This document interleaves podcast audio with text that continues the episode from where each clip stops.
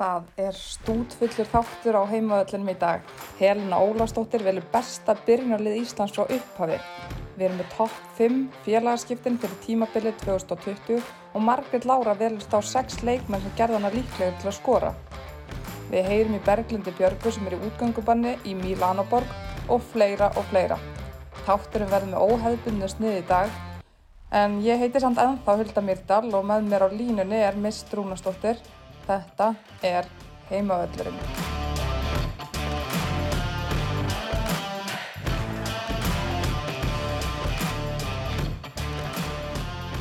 En það er óvinnlegt ástand í samfélaginu. Aðstæður ekki með hefðbunni sniði á heimavellinum að þessu sinni, frekar en annar staðar. Önnur okkar fyrst í einangrun og já, við þurfum að taka upp í gennum síma, Hulda. Já, þetta er ekki, þetta er ekki amalegt. Nei, hljóðgæðin kannski ekki með besta móti en við gerum gott um málunum eins og alltaf. Já, já, það er nú reynda að maður hefði nú valla tíma í þetta, það er brjála að gera. Já, eða? Maður Hvað er ein... svona helst að brasa í, í hvað þú ert ekki bara í sótkví, þú ert í einangrun eða ekki? Jú, ég er nú reyndar ekki hérna með veiruna en maður er svona ansi ná en maður er veiru þannig að maður var settur í einangrun líka. En, en að, já, ég er búin að vera innilokuð í, í viku núna. Og hérna ég er búin að horfa á okkur 16 þætti af Love Island. Ok, og og það er svona inspired by hraðaspurningar, voru ekki eiginlega, allar ég, útistelpunar að mæla með því? jú, jú, jú, ég hef nú aldrei haldist því svo sem einum mm, þætti eða bíómynd þannig að og mér er farið að þykja væntum núna Amy og Morley May þannig að það er nóg að kjæra hjá mér. Ok, já, Já. þetta er ástand það gleður mig, það er, já. Þú fölst í einangrun og ég fölst í vinnunni því að það hefur aldrei verið meira álag velferðar, í velferðargeranum. Emme, þú ert þú ert okkar stóð og stytta í, í innviðum samfélagsins meðan ég Heldur betur, ekkert Netflix á mig. já, já, en maður sem maður hefur nú náða hérna, þeir eru búin að vera að sína á hérna, stöð 2 sport gamla mestaradeldaleiki þannig að ég er búin að hafa líka vera á svolítið fótboltan áður ég var sendi í, í hérna, þú veist fangelsi, Ok, ok. En það að- vætir ekki um þig. það væsir ekki um mig svo er náttúrulega klósetturlega áskorun búin að halda manni við efnið líka Heyrði, já, ég, þú stóðst bara ágjörlega í henni, ég sá það. Já, sko það er, samt, það er líkilatrið er að vera með mjúkarúlu. Það er alveg líkillinn hjá mér allána. Costco, svona gæða. Já, bara eitthvað aðeins verða, bara eitthvað svona algjörstrast. Það bara dempast það vel. Hmm, ok. Þannig að það er svolítið þannig. En hérna, Þegar ég fæ frí í vinnunni þá hérna reyni ég að- spreita mig, að ég sá þú skoraðir á mig. Já, ég er bara býð spennt. Ég er kannski slekka á Love Island til að fylgjast með þér í smá stund. Mhm. Já, já, já, já, já, þú segir það. En hvað hérna, það er náttúrulega ekkert eitthvað brjála mikið að frétta úr fótbolta heiminum. Nei, Veiran svolítið að yfirtaka allt með þunglamalegum fréttum og óvissu ástandi einhverju. mm náttúrulega FIFA-listin var hérna kynntur. Já, Og- Þar pölluðum eitt sæti, Ísland. niður í 19. sæti. Mm Var það eitthvað sem sástu þetta fyrir, sástu þetta koma? Uh, hvorki nýja, þetta er ekki dramatíst hrap uh, og er bara kannski eðlegt með úrslitin, ég meina þetta í rauninni það er bara þetta pínatarmót inn á milli frá síðasta lista mm. og tapið gegn skotum sem við erum svo sem búin að margræða, það greinilega er að það situr í okkur og, og tógar okkur aðeins niður en að lista Mm Skotland þarna í tveimur, tveimur sætum fyrir aftan okkur, það eru í 21. mm Það er svo sem Bandaríkin enda á toppnum, Þýskarland í öðru, svo er þarna Frakland og Holland hafa sætaskipti í þriðja fjórða. Já, Frakland komið í þriðja. bara, mér fannst eiginlega það sem mér fannst áhugaverðast satt best að segja er að eh, Japan er ekki lengur á topp 10, þær fara Mhm. niður í 11. sæti Mm þær hafa verið bara svona solid topp 10 sem bara hörku gott fótballtalið en maður vissi það náttúrulega fyrir síðasta HM og svona liðið farið að eldast og, og hérna en það kannski kemur ekki beint á óvart en það er samt skrítið að sjá það ekki topp 10 Mhm. Það er kannski svona mitt helst teik Mhm. á þetta Mhm. Og það, já, þannig að við vorum ekkit, við, við missum ekkit svefnið þessu. Nei, verður Ég hef meira áhyggjur eiginlega af- af fjórðu seri í Love Island ef ég á að segja alveg eins og er með stöðuna núna. Ok, ég þarf að fara að tjekka þessu Love Island dæmi. Þetta er einhvern veginn, mér finnst fólk ekki tala um annað þessu dagana. Það er bara COVID eða Love Island, eða þarna Love is Blind líka, er það ekki eitthvað? Já, jú, jú, mist minn, ég búið með það líka. Það er ekki það. Ok, já, já. Ég gemdi tímaðin í annað. Ég farði frekar lestu FIFA-listan aftur baka áfram. Ég, hérna, ég get alveg sagt að þú ert ekki að missa miklu. Ok, En, en hérna, já, það er náttúrulega COVID-veiran og, og allt brasið sem henni fylgir. Mm Mhm. Við vitum að, veist, það er búið að, það er öll móta og einhverju hold og enginn veit neitt með neitt. En síðan er það líka náttúrulega bara hagkerfið og peningavesinu sem blasir við. Það er kannski þetta maður er að óttast mest uh, og alveg líklegt að það muni bitna á kvennaliðunum mm -hmm. Já, og líka mm, svona Æ, það eru örugglega bara mjög margir, þarna, mjög margir sem að fara fyrst þá í það að skera því. Já, já, það er það sem að ég átti við, það var illa, illa orðað hjá mér. En, Nei, ég, ég skil það, ég skil það. en hérna, og maður sér það bara strax eins og, þú veist, hérna á Íslandi búið að leggja niður handbóltalið í er, kvennaliðið, mjög Mhm. sorglegt dæmi. Einmitt og líka bara að það getur ekki, það er bara, eh, var, er ekki liður í næst efstu deild og þetta getur nú ekki hafi verið mikill kostnaður sem fylgdi hérna liðinu. Valla og, og styrktar aðeila deildarinnar eru vantanlega að styrkja bæði kalla á kvennaliðin og Mhm. það er svona áhugavert að, að þeim sé fórnað Undir rútuna. og ekki fyrsta skiptið þannig, það er ekki, Jú, þriðja skipti sem að ég er ákveður að leggja niður kvennaboltan oh, og þú veist, ég sá þarna á Twitter, það var eitthvað sem skrifaði að skúladætur og Elisabeth Gunnarsson spilaði með fram, Þóri Rósa landsleiskona, að því líka drottningar sem hafa alist þarna upp í ég og mm, í ég hefði geta verið stórveldi hvernig megin. Þannig að þetta er svolítið Já. sorglegt að þetta sé fyrsta að þeir séu bara til í að gera þetta aftur Já. og aftur. vonum bara að við sjáum þetta ekki í fótboltanum.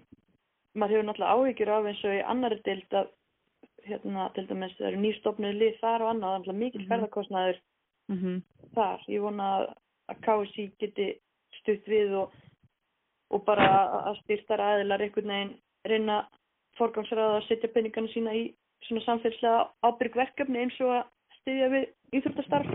-hmm.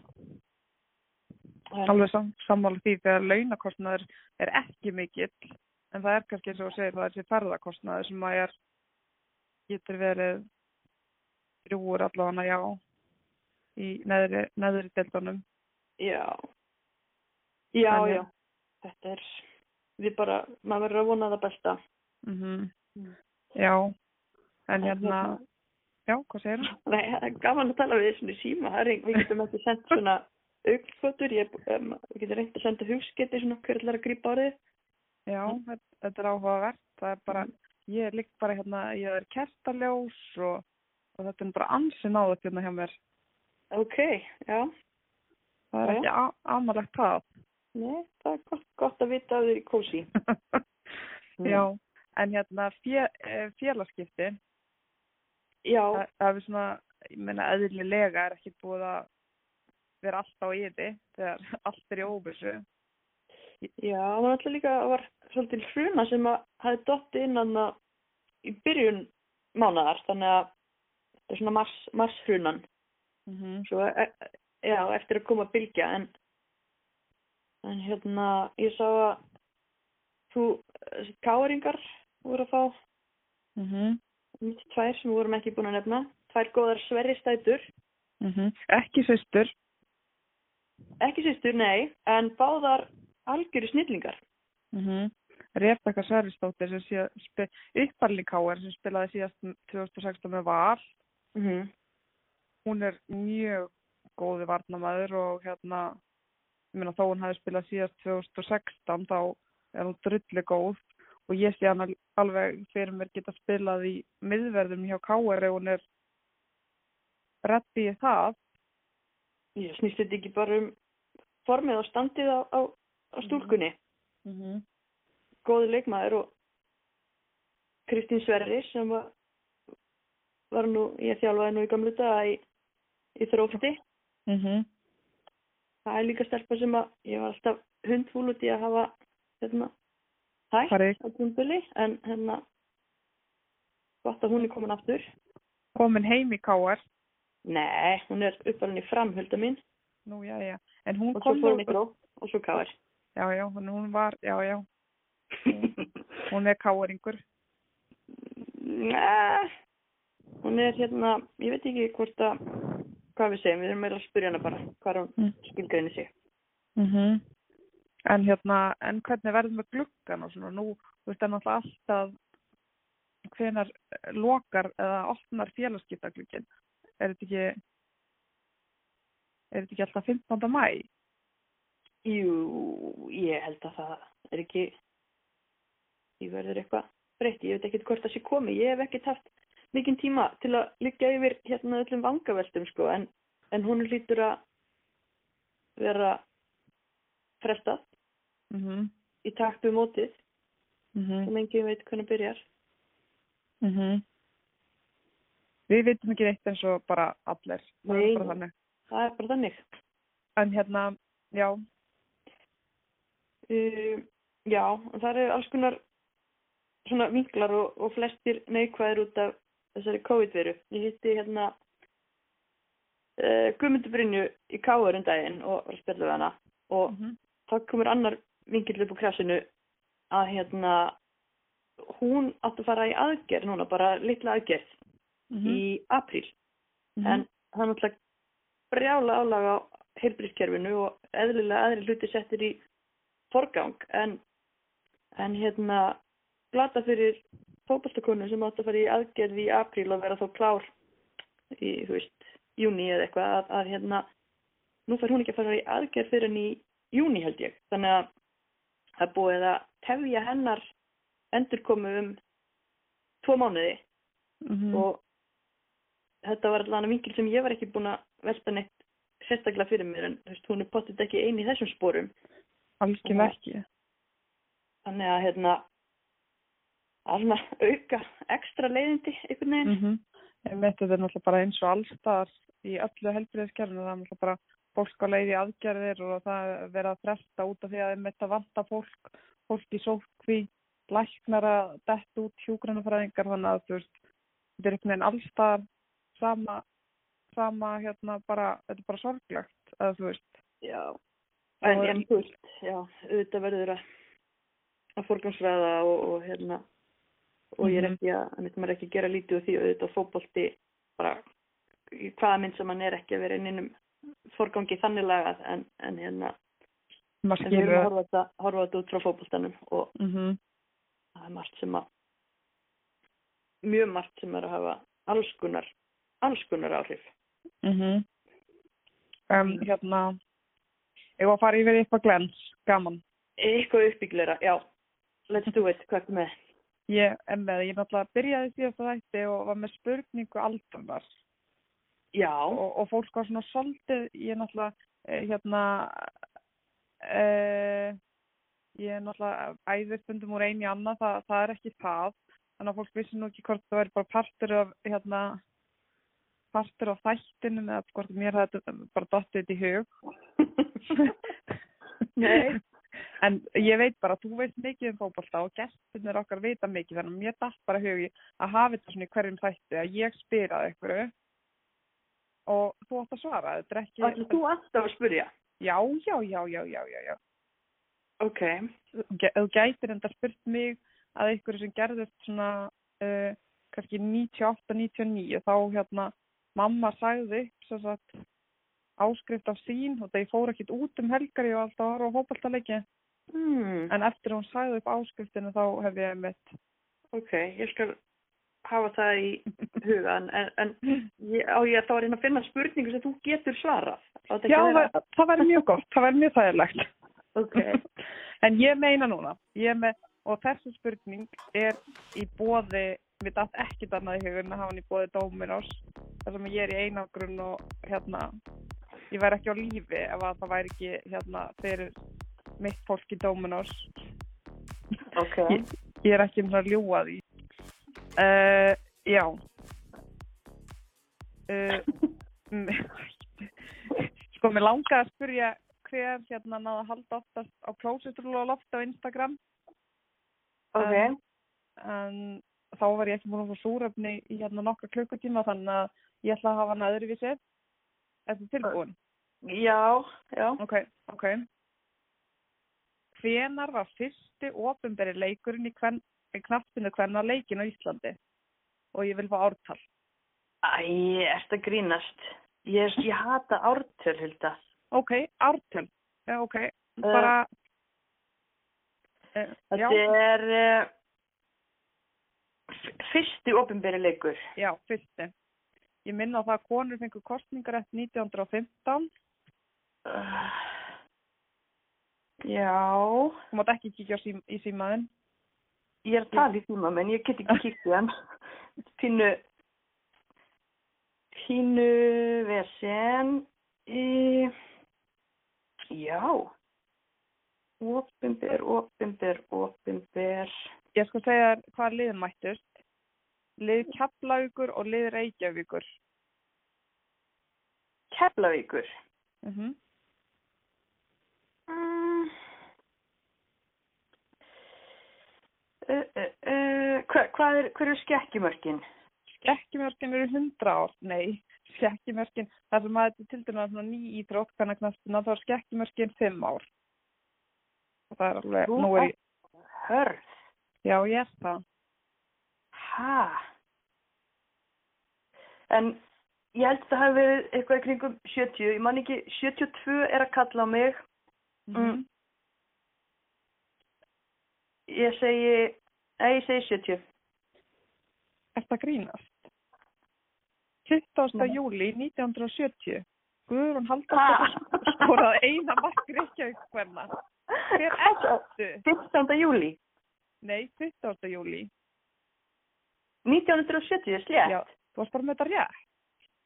Oh my god, þetta, þetta er var flúk. þetta er ástæðan fyrir að ég ringdi þig og spurði hvort þú vildi gera podcast átt með mér. Það er nákvæmlega þetta. Já, þetta var algjör grís, skal ég segja þér. En En 1-0 fyrir þér og bara vonandi hafa fleiri en þú verið með þetta rétt. já, ég hugsaði bara til Helga Þorvalds, sko. Það er, hérna, uh, sagfræði tölfræði meistari lögadalsins og við höfum rætt þetta, en ég veit ekki, 72 var að, ringja, svo kom hérna 68 líka og ég, já, 70 var, var slump. Ég þakka Helga fyrir þetta. Helgi minn að þú ert að hlusta þá á gjafabrjöf hjá okkur að Dominos Pizzum. ok. Nú er ég kannski að loða upp jærminn á mér en vel gert. þetta var ótrúlegt.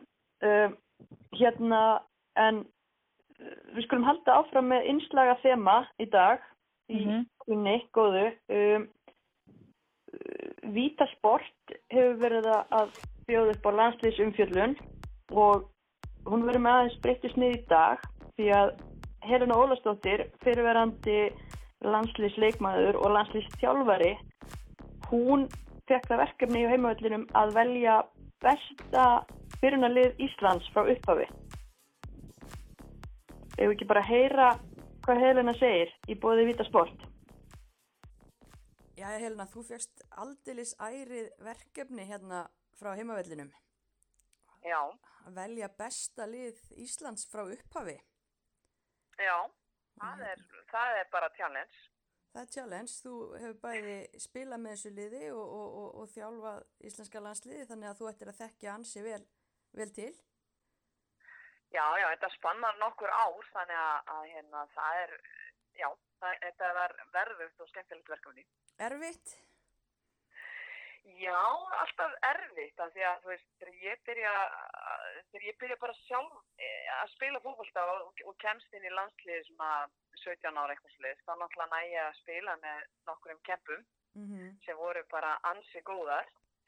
Þær geta orðið móðgæðar út í mig því að fáar fengu sæti í þessu liði en, hérna, en, en voru enga síður bara virkilega flotti leikmenn, bara nokkar hér á skaganum, bara nefni bara sem dæmi Laufi Sig, e, Dóra Gilva, e, Ragnar Lóa, þú veist, það voru við, ég náði að, að vera þarna með mjög skemmtilegu, skemmtilegu gengi. Já, algjörlega, Mm. fullt, af drotningum. Hmm. Já, mjög margar, Gunnar Sæm og fleiri, þannig að það, það, var, það var fjör, en þær fengu ekki að fljóta í þessu lið, Jæja. í miður. Heyrðu, verða hérna. Já. Hefur þau ekki að, að dempa okkur í þetta bara og, og, og fá að heyra hverja komist í þetta lið? Jú, heyrðu, við hérna stillum upp þessu svona típiska uh, 4-3-3, 4-5-1 eins og við spilum nú uh, bara mjög lengi Ok, og hérna og eiginlega vorum við ábáslega varna sinnaðar lengi vel og vorum í 4-5-1 þannig að ég valdi það svolítið og Mhm. út frá því er ég með í markinu fóru B. Helgadóttur já, og það er bara ástæða fyrir því, frábær markmaður og náttúrulega bo- góð á milli stangana og svo var hún bara góð í fótbolta og það hjálpa markmannum þannig að- hún líka spilaði fjöldan allan að leikjum, einhverja 108 þannig að hún bara er markmaður nummer eitt í mínu liði. já, líst, vel á það. Já, Og, og, og hverjar ertu með hérna fyrir, fyrir framannana? svo hafsendaparið er, er hérna Kata Jóns, það var ekkert hægt að ganga fram hjá þeirri kempu og hérna enda fyrirlið til margra ára og spilaði marga leiki og frábær karakter. Ég held að það svona, það fleitti henni langt, hún var bara frábær fyrir liðið og, og hérna, mér fannst til dæmis hún og Sif frábæra saman og Sif er í þessu liði líka. Hún er þarna líka. Já, Það eru tværi Það er- hjartanu. það er í hjartanu. Nú síðan náttúrulega er, er Hallbera bara búin að eiga vinstri hérna bakvörðin síðustu ár og, og, og er bara búin að vera frábær þar og hún er vinstra með Mm. og hægri bakvörður þar þurfti ég að setja glótísi en Já. ég veit að hún getur alveg list það, hægri bakvörðin var svona mér fannst glótísi eiga að vera þarna Já, og hægri bakvörðin kannski hjá mér var smá vandamál eins og hann hefur verið í landsleginu já, svona síðustu ár það er svona eins og það sé staðan sem að er erfitt að fylla. Mm. þannig að ég meina ég hefði getað nefnt margar en, en til dæmis Gulla Jóns vinkuna mín úr, úr KR hún spilaði nú bakvörð og hörsku fljót og áraðin en, en hún flaut ekki þannig Glótis er bara búin að sína það ung, búin að spila samt einhver 84 landsleiki bara á að vera þarna stendur alltaf fyrir sínu og glótís þannig að það er bara spennandi að sjá hana í, í, í bakverðinu með, með þessari öflugu línu. Akkurat, síðan var það miðjan og það er náttúrulega ekki auðvelt að velja í þessu kerfi þrjá miðjumenn út frá því hvað maður þekkir nú marga góða miðjumenn en, en hérna Sara Björk væri þar svona sem varnasinnaður miðjumæður, mér finnst hún frábær því hlutverki og, og frábær hérna leiðtúi, ég hefði væri alveg til í að sjá hann og Katrínu spila saman í dag en það er bara, gengur ekki, lífsklukkan segir nei. Já, já, það taka kannski gott pólamót eftir einhver ár eða eitthvað svo leis. Hver veit, það verður þá mjög spennandi, ég myndi koma bara sem áhverjand að fylgjast með því.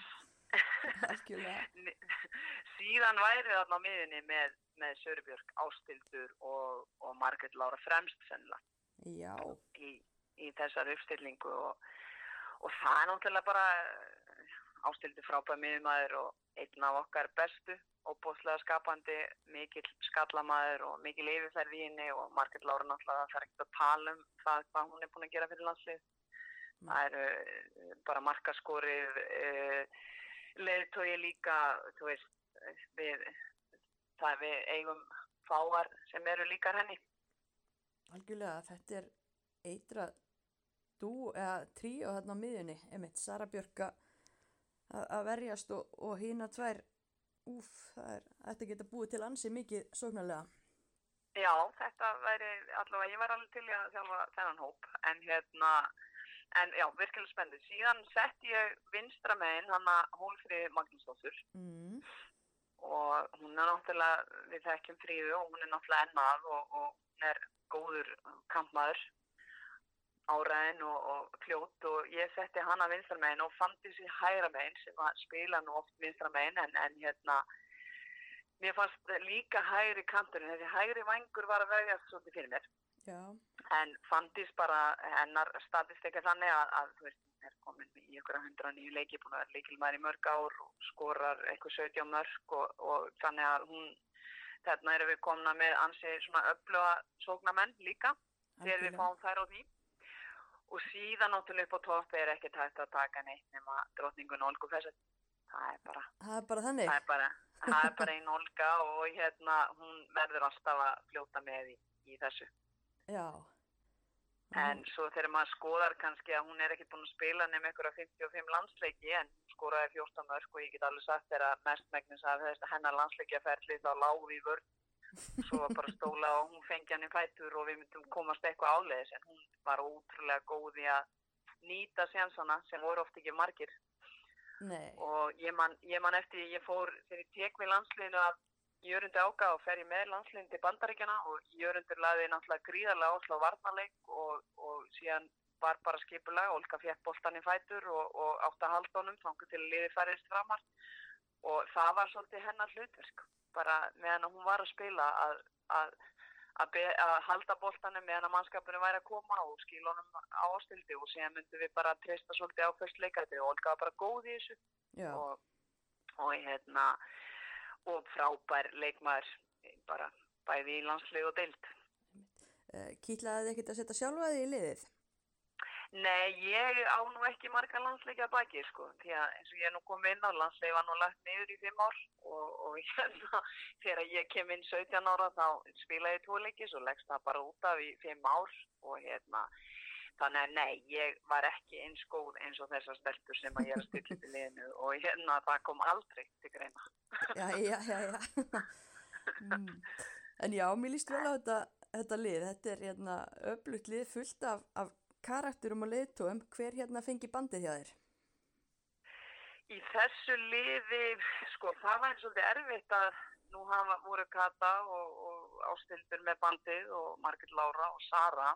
Ég veit það hennilega ekki. Ég þyrfti svolítið að, að vinna með þeim til að átta mig á því en þetta, þetta er all, allar eru þar hævar til að bera bandið en, en svona, ég veistu, ég, það er að svolítið að fara bara eftir dýna mikið liðsins og hvað myndir svona virka best. Ég eiginlega vil ekki gera upp á. Nei, það og ég þarf þess heldur ekkert að því ég þjálfa þær ekki. Nei, nákvæmlega. Heyrðu já, Já. mér líst vel á þetta. Þetta er, þetta er hérna skemmtilegt lið og ég vona að, að svona eldri kynnslóðurnar verði ekki fúlar út í þig fyrir að, að hérna, hafa ekki komist kannski að þarna eins og þessar skaga megar sem að þú nefnir í upphafi. Já, ég vona að þær sættu sér við en auðvitað eins og bara við vitum að landslæðið hefur bara breyst svo mikið og, og það- við, erum að horfa hérna marga leikmenn með hundra og eitthvað leiki. Þetta var ekkert það sem að, við áttum að venjast hérna áður til þannig að þetta, og við erum búin að fara á lokakeppni EM uh, og þrísva sinnum og þú veist, eðlilega eru margar sem að í þessu liði sem tilheyra þeim hóp. Já, þannig að, að það ræður svolítið úrslitum í þessu val algjörlega. Heyrðu og bara takk kærlega fyrir að, að, velja eh, fyrir okkur og lefa okkur að, að, að hérna heyra. minnstamál Mm. bara, minnstamál Heyrðu, þetta var skemmtilegt val hjá herinu. Já, hún er svolítið í nútíðinni. Mm Ekki margar eins og hún segir. Gamlar kempur á skaganum sem að flugu inn í liðið. Nei, þetta eru náttúrulega breyttir, breyttir tímar og, og þessar stelpur sem er að spila í dag eru að spila upp í hundru, hundruði leiki á meðan að liðið var bara hreinlega lagt niður í, í það gömlu góðu. Mm En ég verð að segja það djöfull, úps, afsakið, var- hefði ég verið til í að sjá um mitt Olgu ég væri til að sjá Olgu Fersett með liðin eins og það er í dag á Mhm. toppnum meðan að Berglind er í sótkvinni eða verið tekna kannski í nokkru leikir á meðan sjá Olgu hvernig hún væri út af hún var náttúrulega á sínu tíma var hún bara í einskismann land, landi Já, með landsliðinu. Algjörlega. Ótrúlega, ótrúlega lungin markaskorari.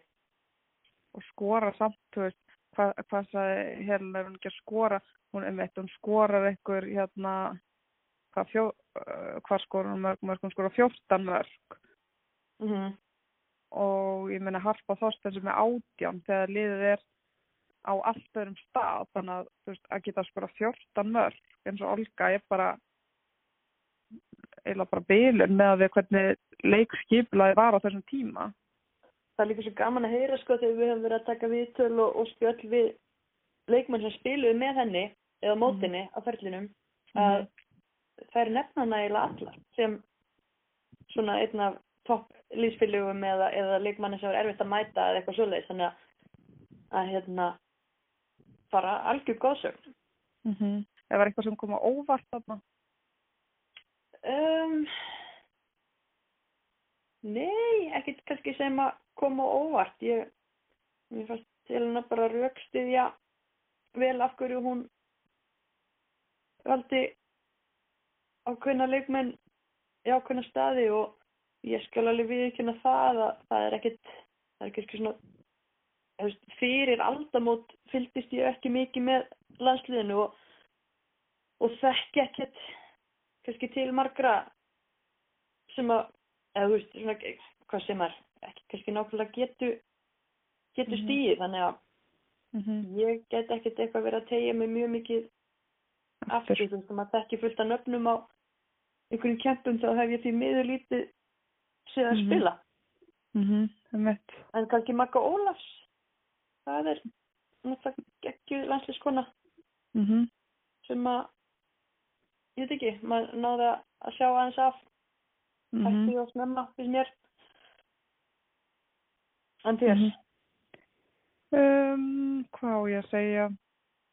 Bara, uh, nei, mér fannst það nú bara eiginlega frekar spennandi lið með hérna Ástildi og hérna, hverju voru, það var Ástildi Sara og Margrét Margrét Lara í hólunni, geggjuð, geggjuð miðja.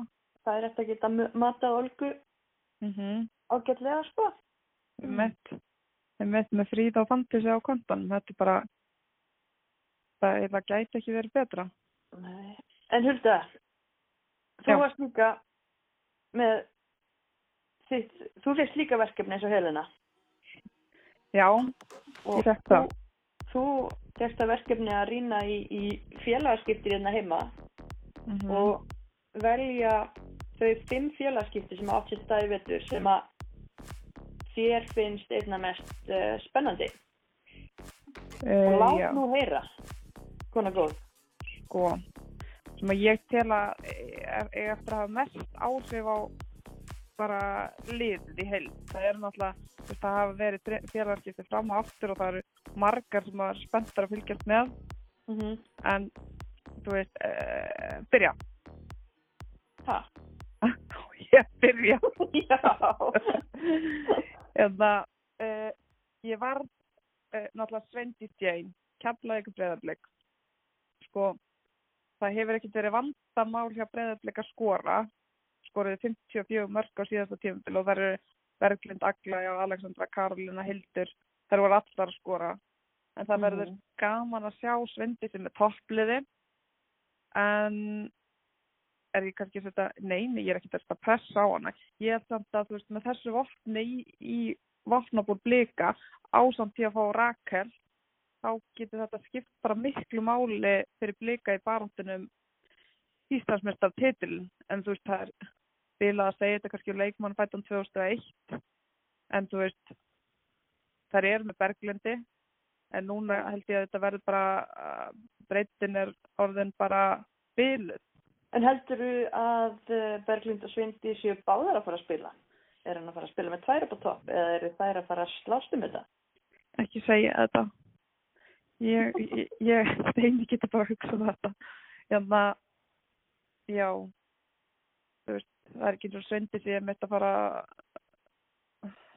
jú, jú, hún, hún er að fara að spila þarna, ég meina uh, Berglind líka steini býr bara til eitthvað leikkerfi eitthvað nýtt leikkerfi sem að, sem að hann kemur öllum þessum leikmennum í liðu Ok, þannig að já, Já. Hann, hann getur bara séð um þann hausverkum, ég held að þú veist það er ekki eins og Svendi segja að koma hann og bjarga öllum, hún bara er að koma enn meiri breytt í þetta geggja leikaleg alright. Þannig að Sveindís er þarna að lista.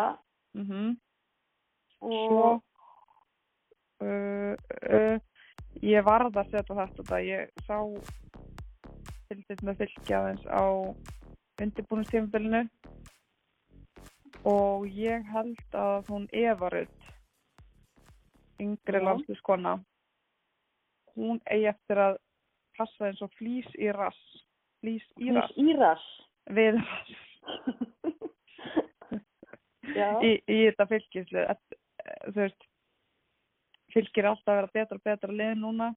Og þú veist, þær ákveða svolítið að fara að ná bara junga leikmenn já. og hún er bara mý... hvað segir þau? Önnur 2001 dama sem hún nefnir. Mm -hmm. engin pressa en hún er mjög góður miðjumæður og mjög skapandi og bara dreifir dreifir, hérna, dreifir sér vel og ég bara, ég er bara spennt að sjá hana með fylgisliðinu Já. þú veist, í bara Mhm. svona hún spilaði með Háka Víking og þær voru náttúrulega bara í bölviðu bartli fylgislið er betra Mm og já fleiri, Já, þá ertu komið 2 af 5. ok þá er þetta já uh, uh, já Káar, ein og Káar hérna Ok. viltu heyra það Það eru svo marga sem er búin að skipta. Hver er svona þitt? sko, Hver mun hafa mestu áhrifin? sko með, ég var Lára Kristín eða Katrin og ég setti Katrin að þarna. Mér finnst Lára geggjuð. En sko Katrín Áspjúsdóttir.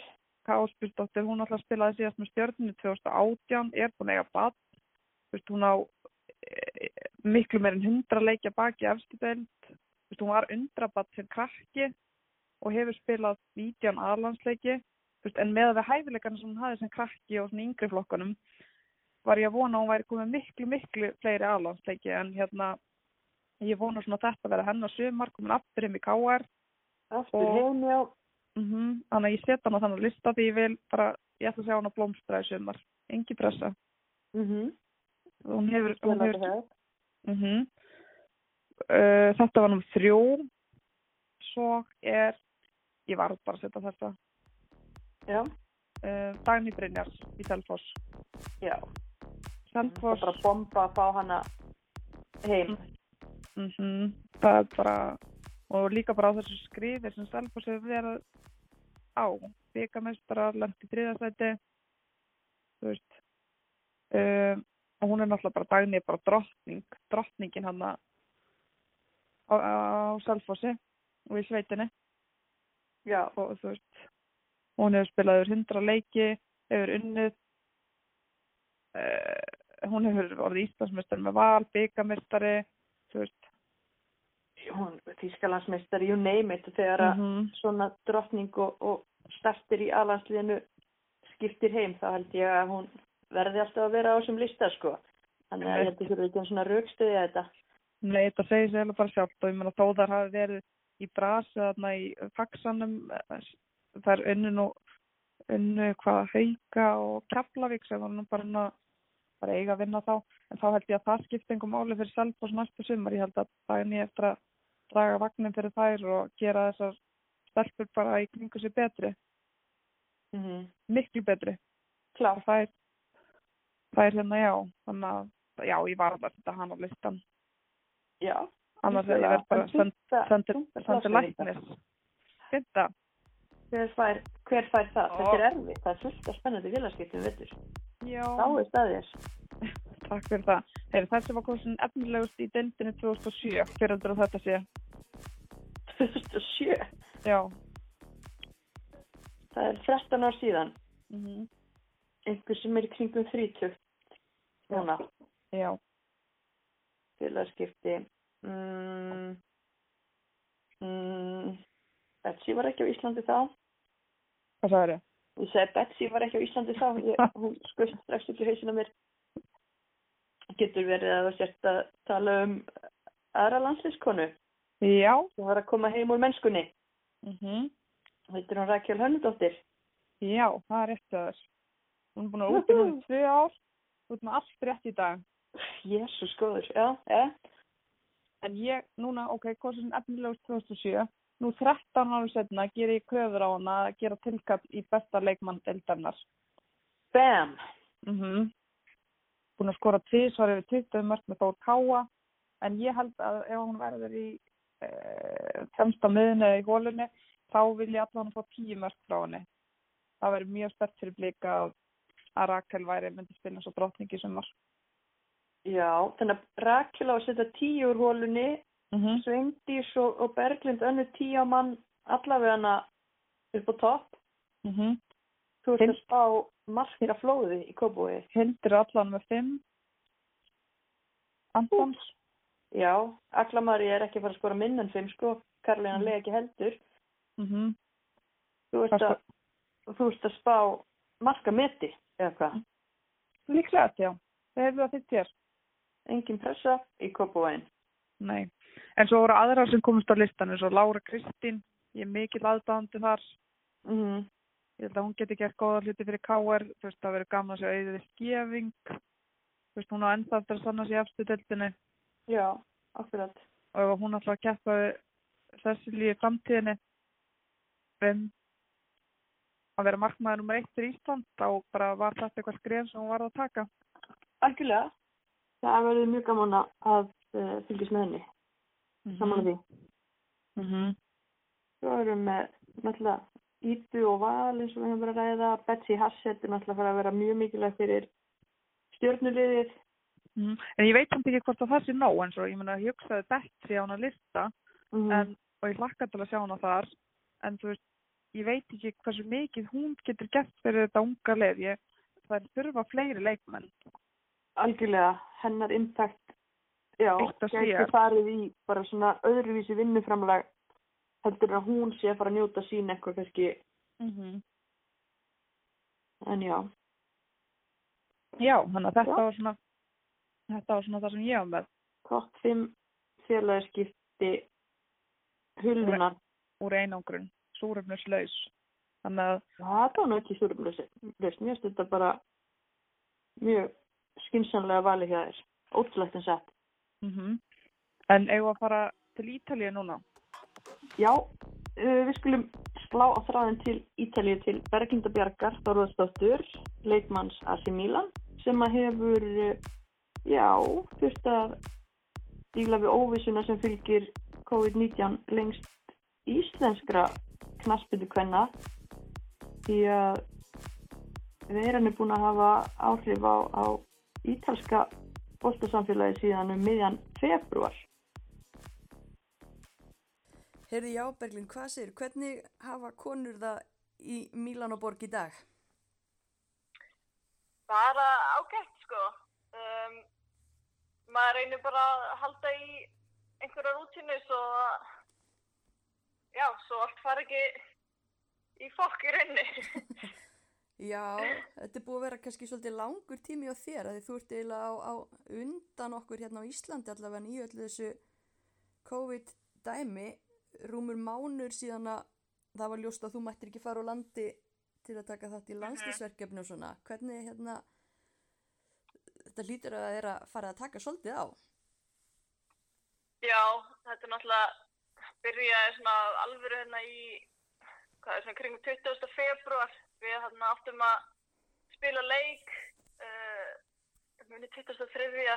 og svo eftir það, þá hérna, já, þá vorum við svolítið mikið bara inn og út einhvern veginn. Við heldum okkur inni í cirka uh, tíu daga og svo kemur alltaf landsliðsverkefni þar inn, þannig að ég náttúrulega gæti ekki ferðast að farið frá Ítalíu og hitt liðið Mm.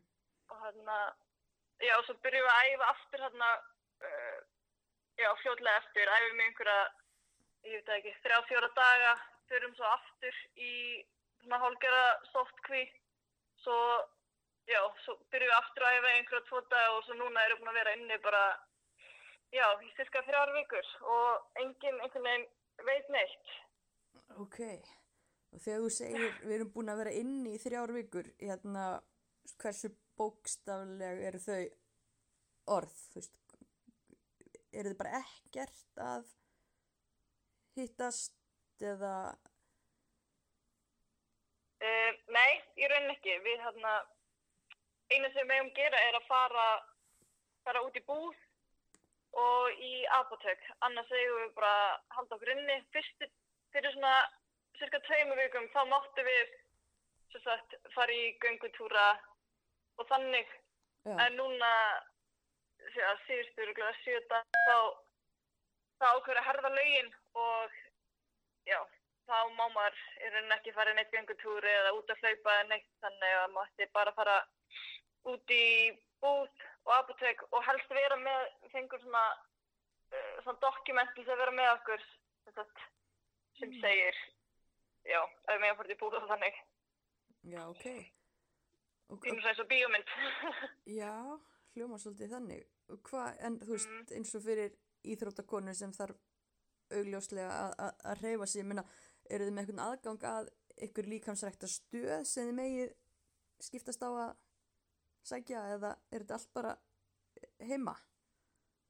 það er bara allt gjössalega lokað og þetta er búið að taka fárlega mikið á það sem að nú mín vinna er að sparka í bolta og reyfa mig og hérna og þetta er búið að vera ótrúlega erfitt en við sem sagt eh, erum fáum æfingar til þess að gera heima.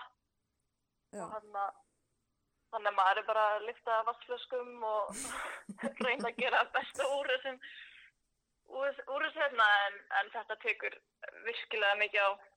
Já, ég, einmitt, maður bara svona, einmitt, getur ekki alveg sett sér í, í spór því að við erum nú allavega heppin hérna á Íslandi að með ennþá fara út að hlaupa og andað okkur súrefni og, og svona. Mm, mm en hvernig, eins og hvernig býrðu? Ertu með eitthvað félagskap eða ertu bara einn? Sko, ég, ég sérst er með íbúð sér fyrir mig en uh, ég er búin að vera í eini einhverja fimm daga þá ákveði að sérst, flytja inn til einn annan sem er frá Nóri, hún er líka eini íbúð Hérna, hún býr í stóru íbúð þannig ég ákveða bara að flytja inn til hennar meðan þetta stendur yfir þannig að við höfum að félagskap sem er bara gessalega búið að bjarga andlegu hilsunni hjá manni. já. Og hvað svona, einmitt, hvað, hérna, hvernig ert að nýta tíman svona fyrir utan að- gera þessar hérna, heimaæfingar og, og reyna svona passa upp á formið? Um, ég er ennþá í skóla, ég er að klára uh, uh, bíðanám í sálfræði núna í mæ, þannig að ég er bara fullið núna að skrifa rítgerð og klára verkefni og þannig, þannig að ég get allan að gert það og svo bara horta á Netflix og spjalla við fjölskyldi og vinni gegnum FaceTime og það maður reynir að finna eitthvað til þess að gera. Já, það er þó eitthvað jákvætt að, að, að hérna, þú getur ekki slugsað á mikið á lærdónum ef þú ert först heima. Það er kannski þetta lítið að... En í viðkjum samt það er mjög erfitt að mótivera sig sko í daginn og það getur verið oft mjög challenge, en mikið challenge að það er bara að læra. Um, en eh, eins og ég sagði, þá er mikilvægt að setja sér markmið og, og, hana, og fylgja þeim þannig að ég get ekkert verið, eins og þú segir, eitthvað að slugsa og gera ekki neitt. Nei, nú veit ég, þú eins og hína stelpurna sem voru að spila á Ítalíu, Andrea Mist og Selma Líf, þær hérna fóru heim til Íslands. Var það ekkert inn í myndinni hjá þér svona þegar að einhvern veginn, já, maður sá hvert stemdi þarna á Norður Ítalíu? Nei, í rauninni ekki sko.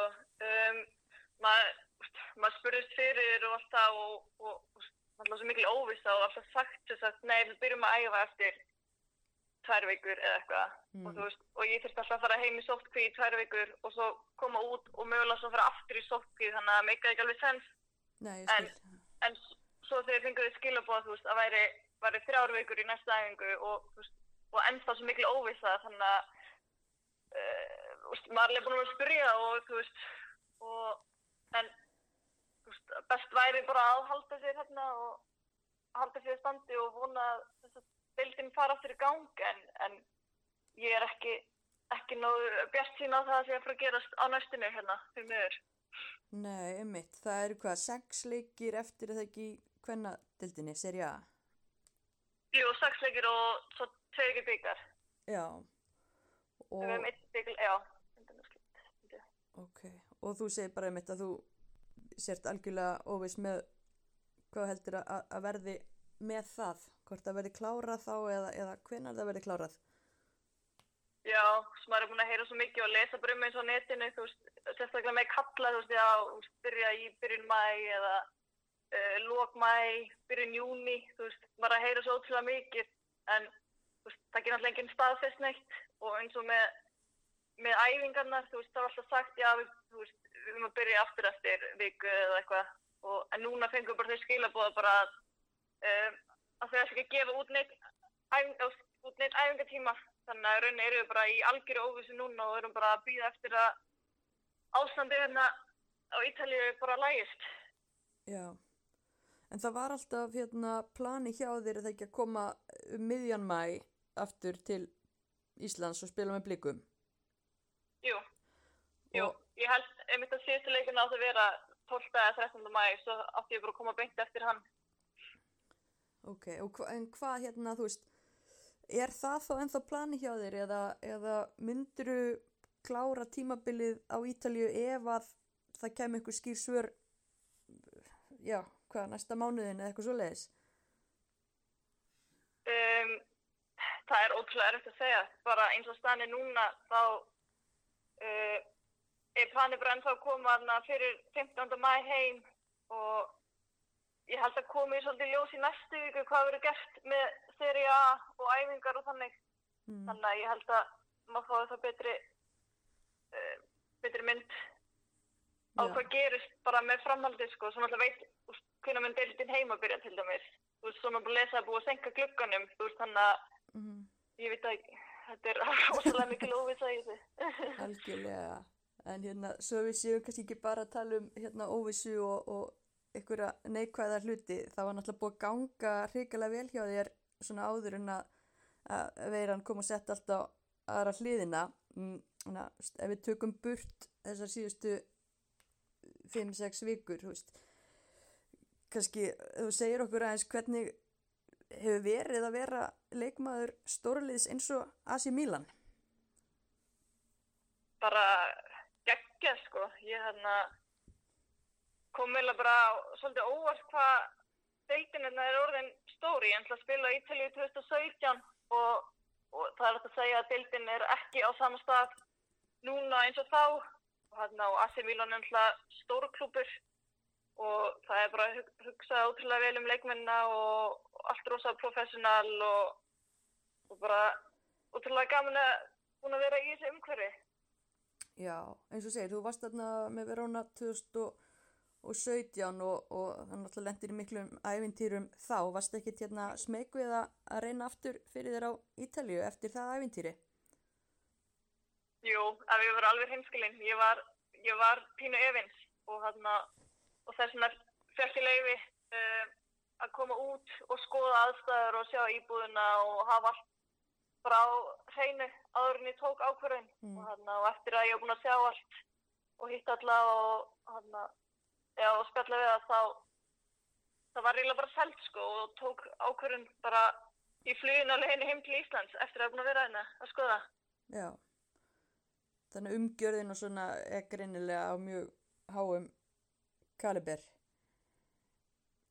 hún er mjög flott sko og hana, en þú veist það má alltaf bæta en, en þú veist E, Ítalski bolti, þú veist, hvernig ert að æfa þarna? Þú veist, hvernig æfir Asi Milan? Er þetta svipað og, og þú ert að gera í, í, í fífunni eða erum við að tala um einhverjar aðrar áherslur? já þetta, er- er svolítið öðruvísi sko. Við hérna það sem ég saknar langmest með öður Íslandi er að fara í brassa. Það er bara alls ekki gert hérna. Ok.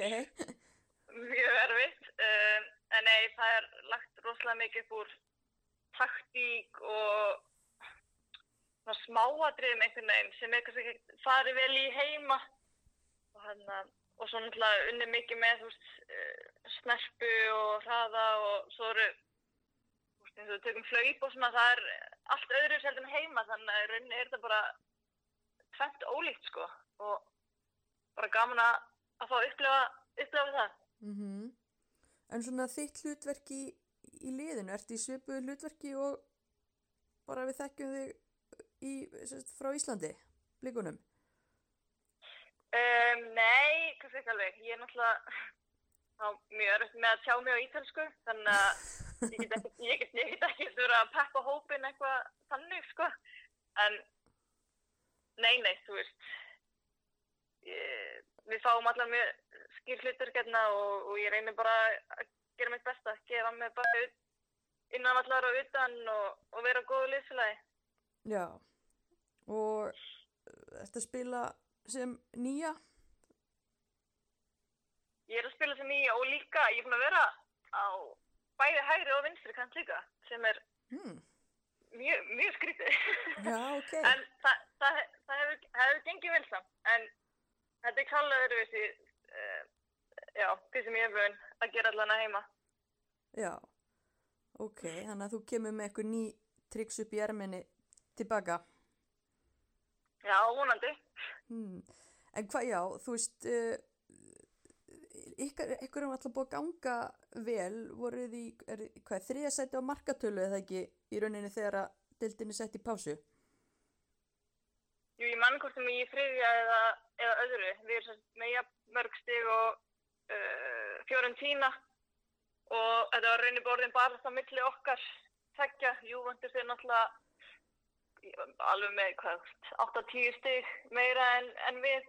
Þannig að, já, hann er bara það var í raunin á milli okkar þekkja. Annars sætið, já. Já, Og, og þér hefur gengið ágætlega að skora mörg. já, það, það hefur gengið vel og, og gaman að geta brotið ísinn í, í fyrsta leiknum mitt og, og skora tvö mörg og hann að og svo bara haldið dampi eftir það sem að er ekkert algengt að gerist sko þannig að ég, ég er búin að vera mjög ánæg með minn leikir núti Já, grínast við hérna, með það eitthvað að þú ætlaðir að skora fleiri mörg en slatan. Þú ert ennþá að vinna þá kjarni, eða ekki? ég, jú, ég veit það ekki ég, Ég held jú, það. er það ekki? Ég held það. Já, setja maður þarf að setja pressa á sjálfa sig Algjörlega.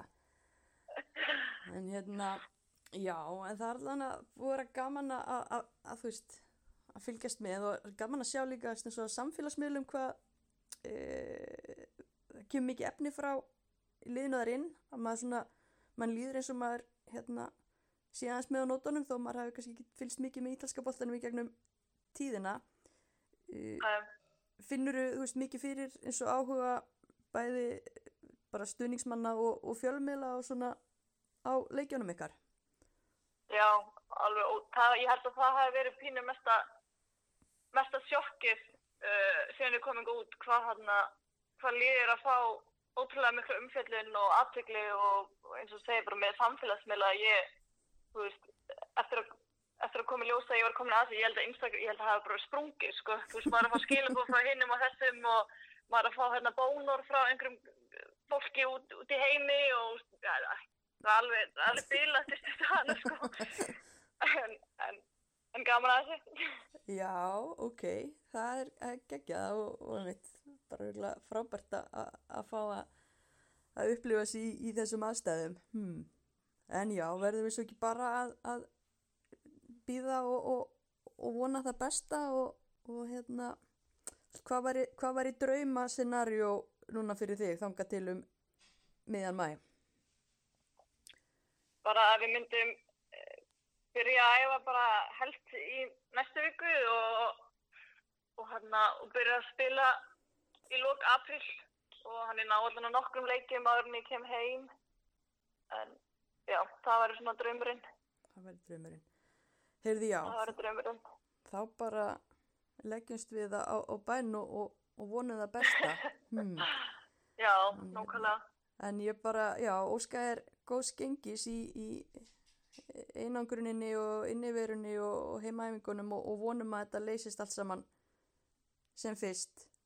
Hmm. Já, takk fyrir það. Bara, úf, maður finnur til með henni Berglindi. Það er ekki annað hægt. Nei, þetta búið að vera ansi langt og strátt og bara, já, glötu óvisa og ennþá glattara sko að geta ekki eins og farið út og fengi sér frýst loft, súrefni. Einmitt, einmitt. Og hérna, já, ég sá nú að það var einhver, einhver hérna maður sem var hljóp marathon á svölunum hjá sér. What? Þannig að Á Ítalíu? ég veit ekki hvað það var. En hérna, já, Var hann Það á er bóttu? nei, ekki á bretti. Bara hlaupa á staðinum? Já, en ég, 40 pluss kílometra bara. ég ætla nú ekki að mæla með því fyrir Berglindi. Ég get ímynda með því að hún, henni myndi svima. Já, svona- hún er veintarlega með betri ráð. Eða ég vona það. Mhm. vonandi bara fyrir þessu ástand að ljúka svo, svo hérna já Allan að hún fara að fá okkur svör þannig að hún geti farið þá að huga að heimkomu ef að það verið ljósta þetta tímabil hérna, verði ekki klárað eða eitthvað svoleiðis en, en Mhm. vonandi bara allra helst eins og hún segir ég menna að það væri náttúrulega æðislegt að hún geti spila fleiri leiki og, og hvart liðið á jákvæðari nótum heldur nú er einhverju einangrun.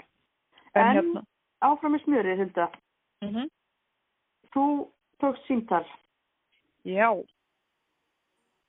og var þú ringdir þetta símtal í bóði heklu ekki satt. Jú, ég ákvað bara þar sem að ég hérna var að syngi í eina af okkar allra bestu knaftinukonum þá döðu ekkert minna en hekla og hún var að fara að velja sínar top 6 uppáhald konur. Þannig að já, þetta er þess að ég heyrði margættir láru og hérna fekk hana til að velja þess að 6 Morata á sex leikmenn sem að hún var alltaf líkleg til að skora með þegar hún spilaði með henn. Já, einhverju sex leikmenn sem að hún náði vel sama við. Já, þegar þeir voru hliðin á henni þá var líkleg að hún myndi setja þrenni. Ok. Þannig að ef ekki bara heyra í margviti. En hérna, þú fjögt verkefni að, að velja sex leikmenn sem þér spinnst þú alltaf líklegri til að skora með ef þeir eru hliðin á þess já, nákvæmlega. Make- Make þetta sens Þetta make a sense. Ok, var þetta, vandamál? Var þetta erfitt? Já, þetta var alveg mjög, mjög erfitt, sko. Veist, um, það einfaldaði kannski aðeins þetta að velja hérna bara úr Íslandíkunum, þannig að hérna, en já, það var bara mjög margir sem komið til greina og maður þurfti að skilja eftir mjög marga góða leikmann, þannig að, já, það var mjög erfitt, en uh, ég er, held ég sátt þess að sex, sko. En það er kannski svolítið skrítið að ég er með svona tvo svona semi, semi varnamenn allavega í dag á listanum, en En hver er, hver er hérna, eða þú veist, hvað hefur ekki þetta valið úr mörgum? Ég bara, þú veist, voru það, Mm, ég hefði getað val úr alveg ótrúlega mörgum einhvern veginn, þú veist um, þegar maður er búin að spila kannski fótbolta í svona mörg ár, það maður einhvern veginn maður sem kannski sést að minn lista, þú veist, það eru leikmenn sem eru þú veist, tíu árum eldri í þessu sumar sko og hérna hætta fyrir einhverjum árum síðan og svo ykkur sem eru nær mér í aldrei og svona þannig að svo eru margar líka, þú veist, svona yngri og eins og leikmenn sem að spila með mig val bara í síðastliðin ár sem að er svona einhvern veginn já, ég hefði líka alveg vilja velja inn á listan þannig að hérna já, Mhm. það er alveg, mikið af leikmennum sem að ég náði ekki að, að koma inn sko Það verður- alltaf lítið sko verður einhver fúll? Nei, ég von ekki Nei, nei, nei, nei. ég, ég von ekki sko ég, ég, ég, er- ég reyndi að vanda mig en ég hugsaði hlýlega til hlýlega til mjög margra annara sko. Hundra annar leikmanna. já, nákvæmlega, Ok, nákvæmlega. hver, hver er hérna, hver er fyrst? Eða þú veist, þetta er ekki eftir nefnir röð, en bara svona hver, Um, já, ég ætla bara að segja Dóra Maria, ok, hún er fyrst. ok, hún náttúrulega þú, hún er, eh, hvað er hún, einu ári eldri en þú. Já, hún er, Dóra er fætt ára 1985, þannig að hún er einu ára eldri ég og hún er auðvitað svo leikmaður, auðvitað svo íslenski leikmaður sem ég spila flestar mínútur með. Mhm. á minni ferli. Það er- rosalega fáir leikir sem ég hef ekki spilað með Dóramari. Já. Uh, en náttúrulega þegar ég spila Erlendis og, og við spilum aldrei saman í liði Erlendis en, en náttúrulega bara náttúrulega allir minni leikir á Íslandi var Dóramari inn á vellinu með mér annarkvæmt sem í, í landsliðinu eða í valsliðinu þannig að hérna að hún er bara svona leikmaður sem að já, við hefum einhvern veginn spilum okkar fyrstu landsleiki saman og vorum saman í öllum yngri landsliðum og, og hérna og það Mhm. alltaf leiki val og svona hann að hún er bara svona leikmaður sem poppar einna fyrst upp í hugum hans og hérna hefur náttúrulega sendt ófáar sendingarnar á mann þannig að Mhm. hérna og ég hef notið góðs af hennar hennar töfrum þannig að hérna já hún er svona leikmaður sem poppar einna efst fyrst í huga En þú veist, hvernig var, hvernig var að spila með Dóri Mari? Hvað, hvað hefur hún sem að kannski ekki allir hafa? um, Dóra er náttúrulega bara rosalega óeigingjart leikmaður Mhm. þannig að hún einhvern veginn metur alltaf leikliðsins og spilamöskuliðsins út frá hvaða liðinu fyrir bestu. Þannig að hún einhvern veginn og það er svona ótrúlega vannmetin þáttur oft í, í leikmennum og hún, hún tekur alltaf ákvörðin sem bestur í liðu og velur alltaf leikmann sem er í, í besta færin eða í betra færi en oft hún sjálf sko. Og þannig að eitthvað af þessum mörgum sem ég skora hefur hún getað klára sjálf en, en senda mig. Þannig að hérna það er ótrúlegur eiginleiki og svona alltaf bara en ég seldi eigingjart að mér en, en þú veist ég myndi alltaf hafa hana á kantinu í mínu liði svona af því að þar fekk ég svona náttúrulega bara bestu fyrirgjafir á landinu og með frábæran hægri fót og, og hérna þegar ég kem í val þá var hún það lengi vel hægri kantur og lengi vel í landsliðinu hægri kantur og ég naut náttúrulega rosalega mikið góðs að því þannig að fyrstum árum okkar saman að fá þessar mögnuðu fyrirgjafi frá henni því að hún náttúrulega bara sá mann inn í teg og sett hann bara nákvæmlega það sem maður vildi fá hann. Þannig að það bara spilnu geta og leikskilingur og bara tæknilegir hæglingar er náttúrulega bara yfir bara góð þessar dórumari þannig að hérna og svo Mhm. svona svona þessi líka óengirn í henni. Mhm. og, og hérna þannig að sem ég fekk ofta að njóta. Mjög góð Og það sko. þið eru sko, það var tekið saman á tölfræði hjá landsliðinu og sem sagt ef að það eru svona var verið að skoða markaðustu dúóin saman þegar þetta Mhm. tvær eru saman í byrjunarliðinu og þetta þú og Dóra María eru þar með 60 leiki saman og 49 mörg. Það er sko í fyrsta setjast þú og Holmfrið, svo þú og Sara, svo þú og Dóra María. Þannig að þetta, það hefur á, ágætt að spila með henn og það verðist, líka að það líti allir út svona þokkarlega við hliðin á þér. Já, það er gaman að heyra það sko. Ég hérna, eins og ég segi, bara Dóra með töfra í skónum sko, hefur einhvern veginn alltaf verið. Þú voru Dóra Mari þá spila fótbolta þá er eins og þetta sé léttasti og einfaldasti leikur Mhm. í heimi. En svo fyrir maður sjálfur og, og reyna að gera sumir hluti og þeir svona einhvern veginn vefjast fyrir okkur hinnum mun meira en henn fyrir, fyrir henn ofta tíðum sko. Já, já, þetta kemur frá þér. Hérna, eh, hver er nummið tvö hjá þér? Uh, ég ætla bara að segja Guðni Björk að við erum Já. náttúrulega ekki að setja þetta, við erum ekki að metja þetta í ykkur þannig röð en, en Nei, hérna nei. Björk Óðins hérna leikmaður sem ég spilaði náttúrulega fyrst með val, hún kemur sem mjög ungu leikmaður inn í val og, og kemur bara já, ég myndi segja bara eins og flugveldur inn, inn, inn í okkar lið Mhm. alltaf, þú veist, ekki há en var, kná hvað var hún þá? Hvað var hún þá? Ég, við hlóðum nú staðið, við sögum ofta hún væri, hérna, hún var eitthvað 1.50, veit ekki, nú er ekki, alveg- ég voru alveg að skjóta, hún voru að brjálita mig. Ég ætla að segja 1.54 eða eitthvað. Já, það ætlar að gefa henni það.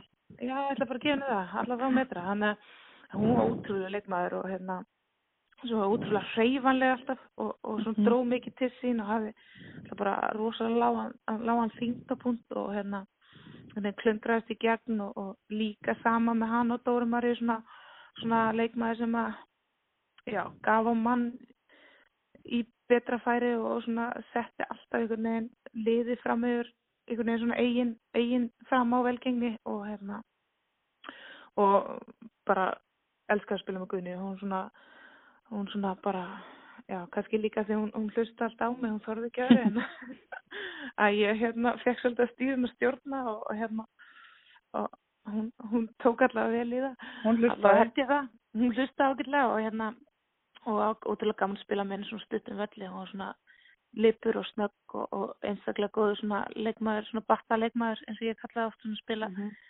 sér leik, leikin í þrýrningum og hérna og svo bara, þú veist, með góðan fót einhvern veginn og, og hérna bara ótrúlega gaman að- spila með hann reyfanleg og, og, og þú veist, einhvern veginn vissir alltaf, hún var alltaf að gefa allt sitt 150% leikin þannig að hérna hún svona, þessi fólksmann kannski eftir henni þá var hún kannski svona sem bakverður spilaði það lengi vel en, en spilaði alltaf fyrst þegar hún kemur inn í val, valsliði svolítið framárvellinu bara kantinum og svona aðeins fyrir aftan mig og svona Mhm. og svo spilum við náttúrulega lengi vel saman út í Kristjánstæði Svíþi og, og byggum með þess saman þannig að hérna, við hefum geng- gengið í gegnum súrt og sætt Ímislegt.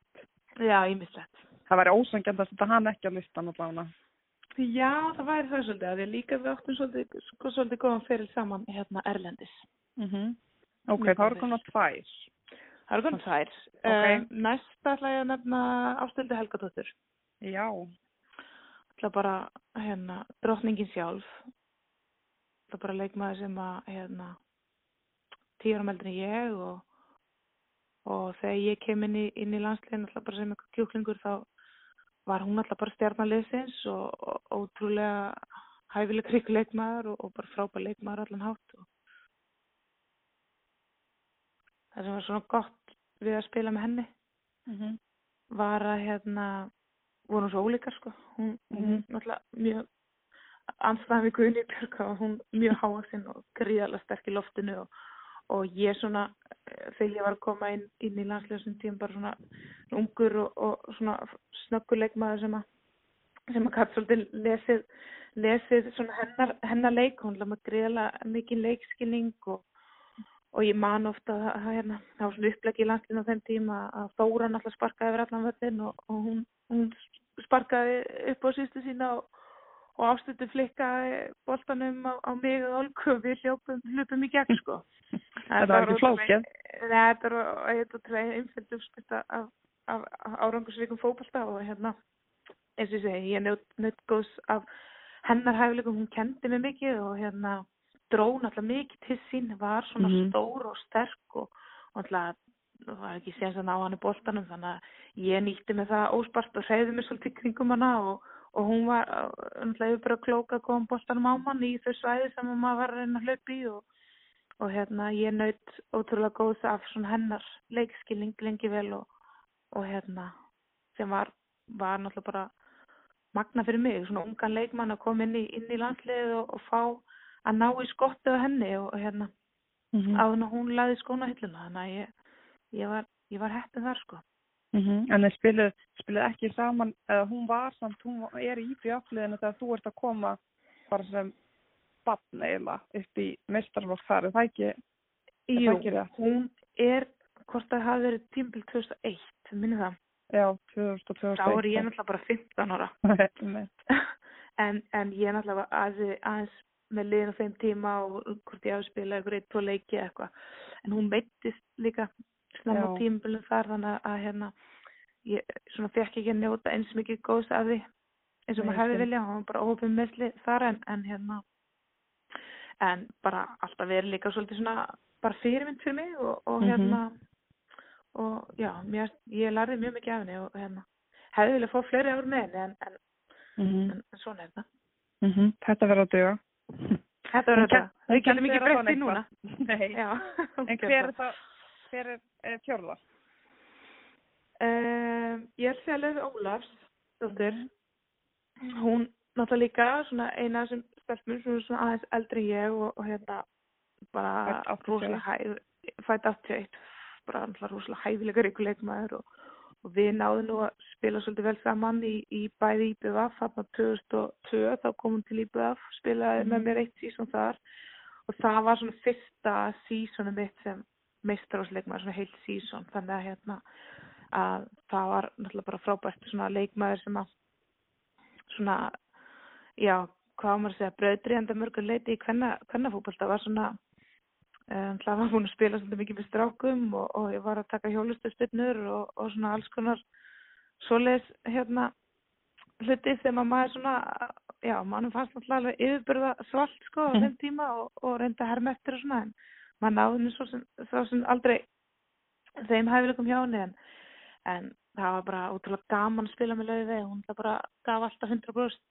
mikið svona af sér og, og svolítið líka þessi ósérlífni leikmaður sem var alltaf tilbúin að gefa, gefa manni í góðu færi og, og svona vildi spila fyrir liðið og, og gaman að spila og styrti svæði með henni og var alltaf leipur um boltan og, og góðu leikskilningur og svo var bara lúmskur hérna klárar líka var bara mm -hmm. skoraði sjálf svolítið mörgum og, og gríðala sterk í loftin líka þannig að hérna það voru ekki gaman að spila með löfi og hún var svona lifandi leikmaður og, og, og mikið reyfing á henni þannig að hérna ég nefndi þess að því að spila með henni hann að Íbjöf náttúrulega fyrst og mm -hmm. svo ég þegar ég ekki mér var þá er hún þar náttúrulega og hérna spilum þar saman og svo náttúrulega í landsleginu líka hann að hérna mm -hmm.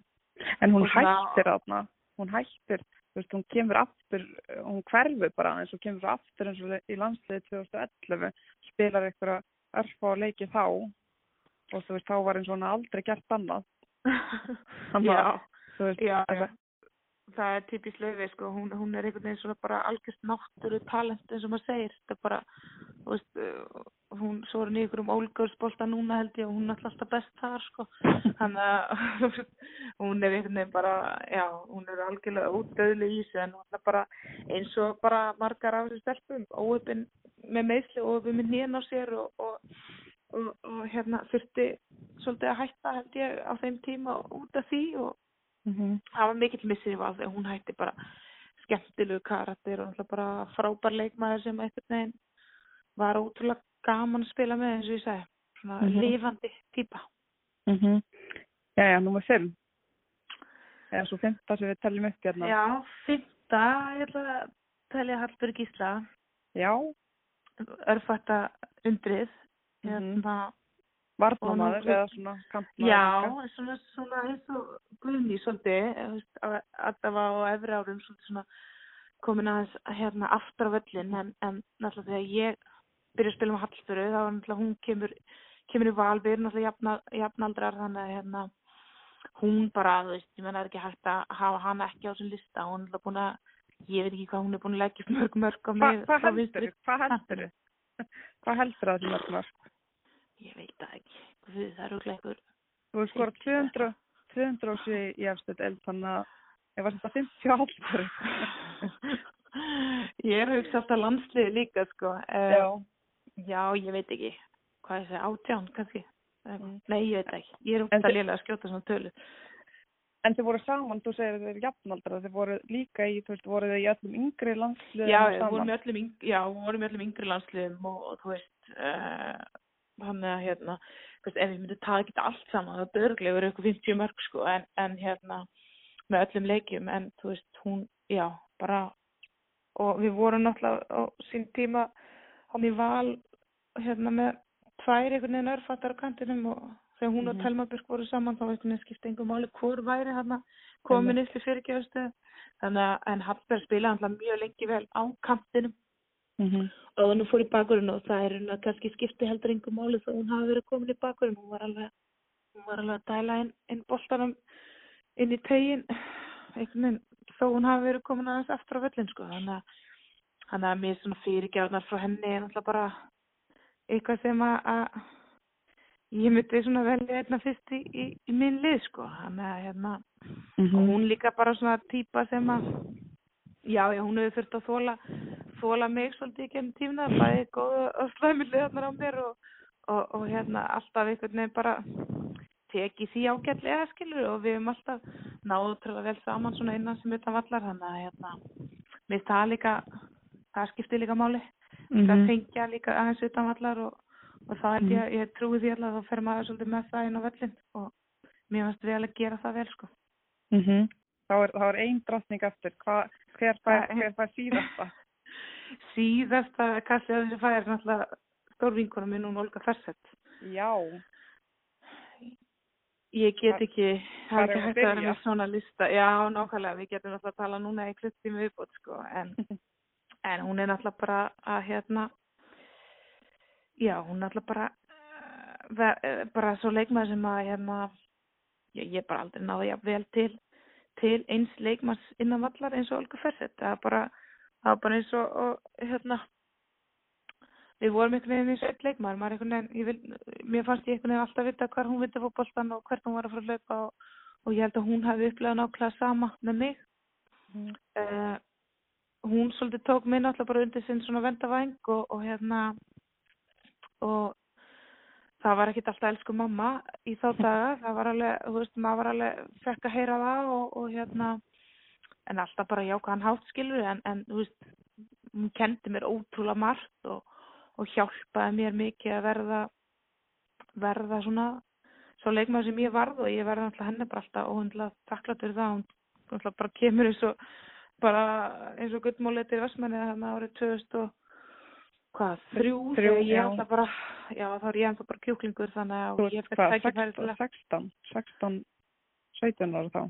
já, svona Já. 16, 17 og hérna og svo spiluðum alltaf líka lengi vel í landsliðinu saman og, og já, þetta er bara bara ótrúlega leikskilning og, og hún sér eins og aftur, sér hún leikin í þessum þrý, í þessu þrýningsspili sem að ég hef Mhm. alltaf haft svolítið dálæt á, mér finnst það svona skemmtileg fótbolti að spila og árangarsökur og, og hún einhvern veginn svona tók hvað á maður að segja, þann leikskilning minn upp á enn hærra level og hjálpaði mér að þróa mig sem knarspinnukonu þar sérstaklega og svo Mhm. mm líka bara, þú veist að- maður var svona kannski að maður var ansing þegar maður svolítið í því að nakla á markið og helst að, að hérna, rjúfa netið þegar maður skaut en, en hún svona kendi manni líka að, kannski anda hans inn bara og maður sparkaði boltan og, og það verður rosa sniðt að sparka stundum innanfótur og setja hann bara í hopni það myndi ekki verja út við stöng og svona þannig að maður lærið ímislegt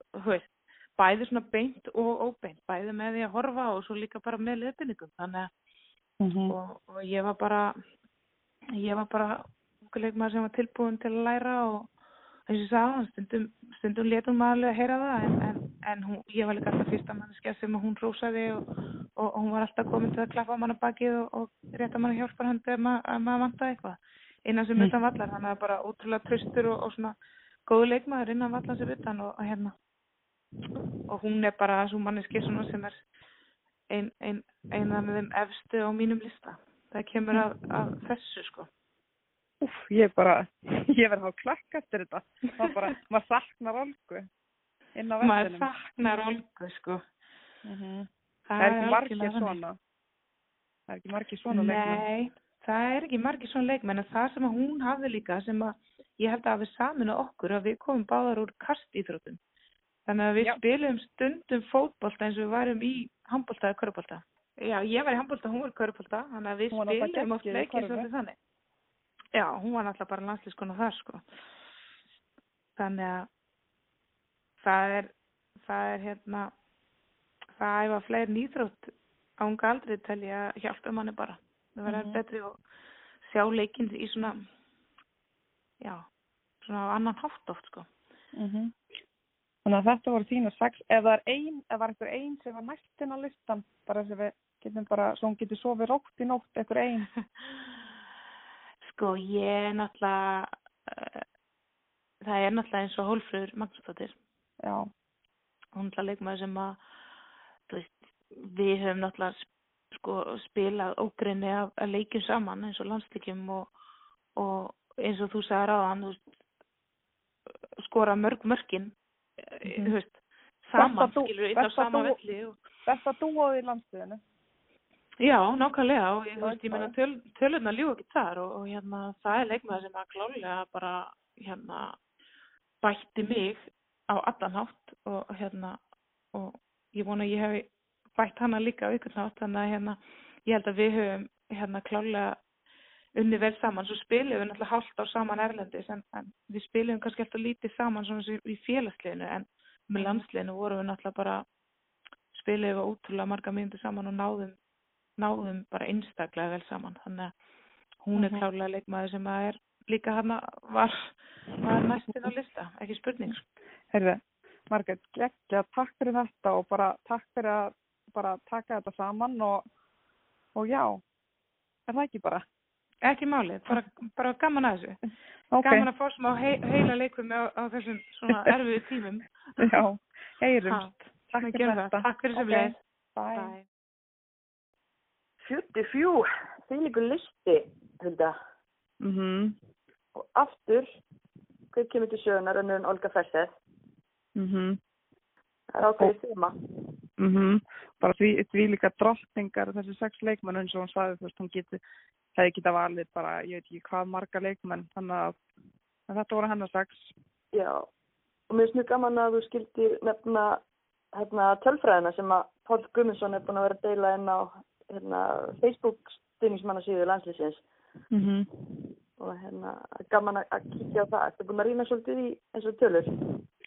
Ekki kannski, ég hef kannski ekki sofið með blaðið sem hann setti ná, en ég hef mjög gaman að þessu, gaman að sjá bara einmitt, bara svona, sjá þetta svarta hvíti hvað, hvað hérna bara allir líta svakalega vel út hliðina margæti. Nákvæmlega. Er ekki bara við hæfi að enda þetta á þessu skemmtilega einslægi frá ykkur Margréti?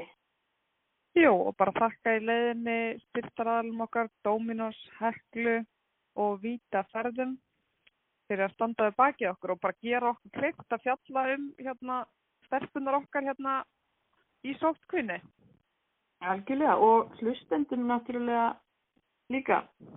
Mm -hmm. Bara Ég vona að við þurfum ekki að taka næsta þátt upp í gegnum tíma. Ég vona að ég geti farið að hitta þig. Ég fann að sakna þín. Já, bara sömur leiðis, mér líður eins og ég sé í tunnu, að við séum honni sikkur í tunnunni. Já, það er svolítið semmingin. Hm. Herðu, en farðu vel með þig og þig líka hlustendur góðir. Þánga til næst.